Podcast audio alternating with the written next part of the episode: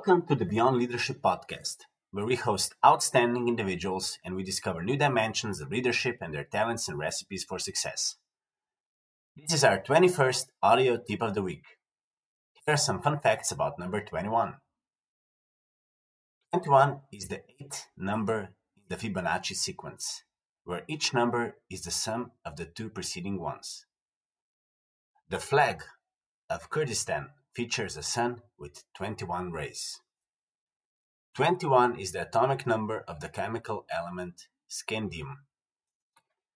And when I was 21, I think that that was the first time when I really fell in love with uh, working out and fitness. Today's tip of the week is based on the article What the Compassionate Email Culture Looks Like, written by Landry and Lewis, published in March in 2021 in Harvard Business Review. What a compassionate email culture looks like. Email culture is broken, and fixing it will require a concentrated effort.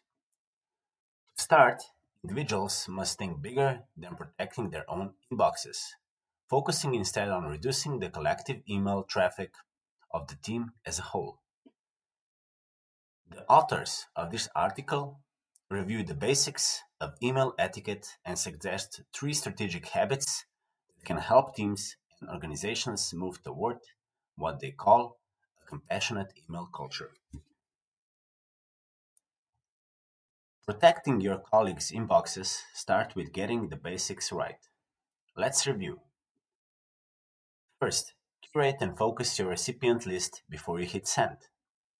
Does everyone really need to be on thread Remove anyone unnecessary, they can always be added later.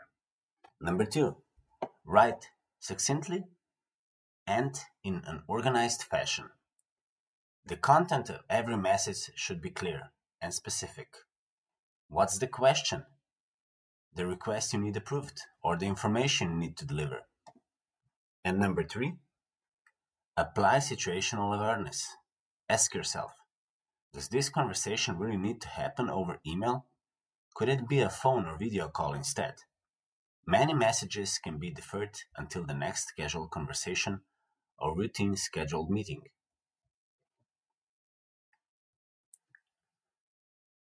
Email culture is broken, and no matter how hard we try, it feels impossible to actually reach inbox zero. But to fix the problem, you have to think outside of your own inbox. It may sound counterintuitive, but focusing on reducing your team's collective email traffic will help create a better culture for everyone. Here are three strategic habits that will help. 1. Consider BCC. Use BCC for any email to two or more recipients that doesn't require them to communicate directly. This reduces the possibility of an endless reply all thread or conversations that were off topic.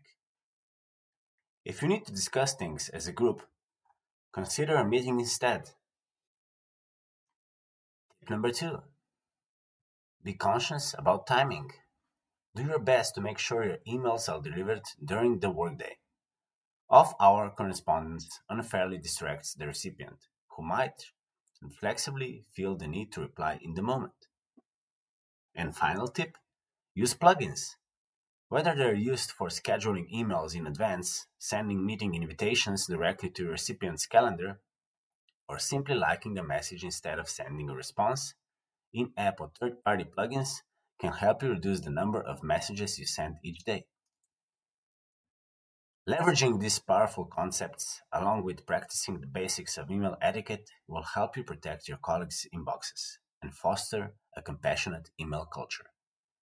If the collective community starts to respect others' workload and schedule, there will be less email all around. In this model, everyone wins. How do you write your emails? Are you emails direct or compassionate? This was this week's tip of the week. Make sure to subscribe and follow us on all podcast channels like Spotify, Apple, Google, Castbox, and also follow us on YouTube, LinkedIn, Instagram, and Facebook. Next time.